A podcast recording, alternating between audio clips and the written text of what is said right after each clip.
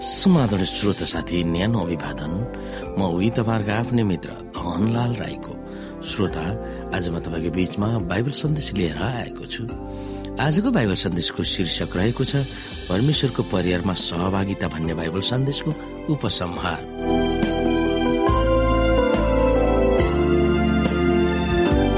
श्रोत साथी संसारका छोराछोरीहरूको निम्ति परमेश्वरको प्रेम मृत्यु भन्दा पनि कडा छ। तिनीहरूलाई उहाँको प्रेमले तान्दछ। आफ्नो प्रिय पुत्र दिनु भएर परमेश्वरले सारा स्वर्ग नै एउटै पहाड़मा वर्षाउनु भएको थियो। मानिसको मुक्तिको निम्ति मुक्तिदाताले आफ्नो जीवन दिनुभयो मर्नुभयो र पुनरुत्थान हुनुभयो र मानिसहरूको निम्ति पहल गरिरहनुहुन्छ। स्वर्गदूतहरूले सेवा गरिरहेका छन्। पवित्र आत्माले ढकढकाइरहेको हुन्छ र परमेश्वर पिता सर्वोपरि भएर सबैद्वारा काम गरिरहनु भएको छ। सारा स्वर्गका जीवहरू निरन्तर रूपमा मानिसको मुक्तिको निम्ति खटाइएको छ।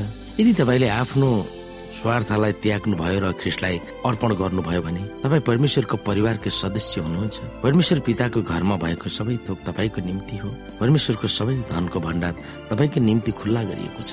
यस संसारमा तपाईँ रहन्छ र आउने संसारमा स्वर्गदूतहरूको सेवा पवित्र आत्माको वरदान तपाईँको निम्ति परिश्रम गर्ने उहाँका सेवकहरू ती सबै तपाईँको निम्ति हो। यस संसारमा भएको सबै थोक तपाईँको हो। यदि तिनीहरूले तपाईँलाई भलो गर्छ भने ती सबै तपाईँको निम्ति हो। यदि त्यसले भलो गर्छ भने। परमेश्वरले आफ्ना जनहरूलाई अत्यन्तै उद्योगका उपहारहरू दिनुभएको छ। तिनीहरूलाई सोच्दा भजनका लेखकले सोधेको अनुसार हामी पनि सोध्न बाध्य हुनु पर्दछ परमप्रभुले मेरो निम्ति उपकार गर्नुभयो। त्यसको साटो म उहाँलाई के चढाउ? भजन सङ्ग्रह एक सौ छब्बिसको बाह्रमा।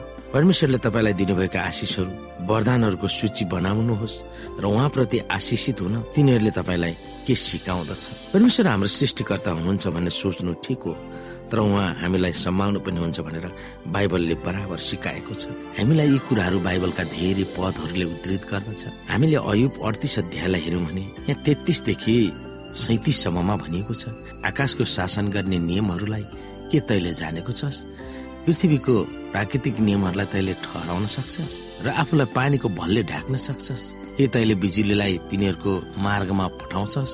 के तिनीहरूलाई हामी यहाँ छौँ भनी तँलाई भन्छ र कसले हृदयलाई बुद्धि दियो अथवा मनलाई समझदारी दियो? को कस्तो बुद्धिमानी छ जसले मेघलाई गन्न सक्छ र आकाशमा भएको पानीको भण्डारलाई रित्याउन सक्छ र? यसै गरी हामी भजन संग्रहको पुस्तक एक सौ पैतिस अध्यायको छ र सातलाई पनि हेर्न सक्छौ। यहाँ भनिएको छ स्वर्गमा पृथ्वीमा र समुद्रहरू र तिनका गहिराईमा परमप्रभुले आफ्नो इच्छा बमोजिम गर्नुहुन्छ। उहाँले पृथ्वीका सिमानाको छेउबाट बादल पठाउनुहुन्छ। उहाँले वर्षासित बिजुली पनि पठाउनुहुन्छ र उहाँले आफ्ना भण्डारहरूबाट बतास निकाल्नुहुन्छ। यस्तै कुरा कलसीको पुस्तक एक अध्यायको सत्रमा पनि हामी हेर्न सक्छौँ। यहाँ भनिएको छ उहाँ नै सबै कुरा भन्दा अगाडि हुनुहुन्छ र उहाँमा नै सबै कुरा बाँधिएर रहेका छन्। श्रोत साथी जगतका अनगिन्त्यौं नक्षत्रहरूदेखि हाम्रा मुटुहरूको धड्कनसम्म सारा अणुहरूको बनावटलाई एकत्रित पारेर सबै पदार्थहरू बन्नेसम्म सबैको अस्तित्व परमेश्वरको सम्हाल्ने शक्तिद्वारा भएको छ। परमेश्वर प्रति हाम्रो जिम्मेवारीहरू के छ भने त्यस बाइबलको सत्य वचनले हामीलाई बुझाउन सहयोग गर्दछ। उहाँले दिनुभएको जे थोक पनि त्यसप्रति हाम्रो कर्तव्य के हो? यस वास्तविक तथ्यले हाम्रो जीवन र जीवनको लक्ष्यलाई कसरी उचित दृष्टिकोणमा राखिराख्ने भनेर सिकाउँदछ। परमेश्वरले हामीलाई दिनुभएको सबै थोकहरूमा ईश्वर र मुक्तिको योजना किन अत्यन्त महान वरदान हो भनेर यस अध्यायहरूमा हामीले हेर्यौँ यो किन सत्य हो? यदि त्यस महान आशा हामीमा छैन भने यस संसारमा हाम्रो जन्मनुको लक्ष्य नै के छ र? श्रोत साथी एकजना नास्तिक लेखकले मानव प्राणी केही होइन केवल बिग्रिएको हाडमासु मात्र हो भनेर लेखेका थिए र सुसमाचार बिना अथवा परमेश्वरको सत्य सन्देश बिना उसको भनाइ हामीलाई उचितै लाग्छ। अथवा उचितै त्यो कुरा देखिन्छ। जब हामीमा कुनै ज्ञान कुनै परमेश्वरको अनुग्रह छैन भने मात्र बिग्रिएको हाडमासु जस्तो मात्र देख्छौ हामी। तर उसले केही बुझेको छैन। उसले परमेश्वरलाई विश्वास गर्दैन। उसले भोलिको भविष्यलाई उसले देखेको हुँदैन। त्यसै कारणले झट्ट हेर्दा हामीलाई त्यो कुरा ठिक जस्तो लाग्छ।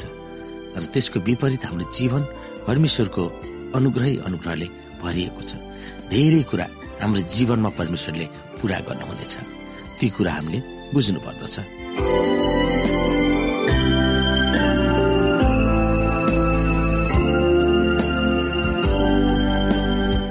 श्रोता साथी आजको लागि बाइबल सन्देश यति नै। हस्त नमस्ते जय मसिंह।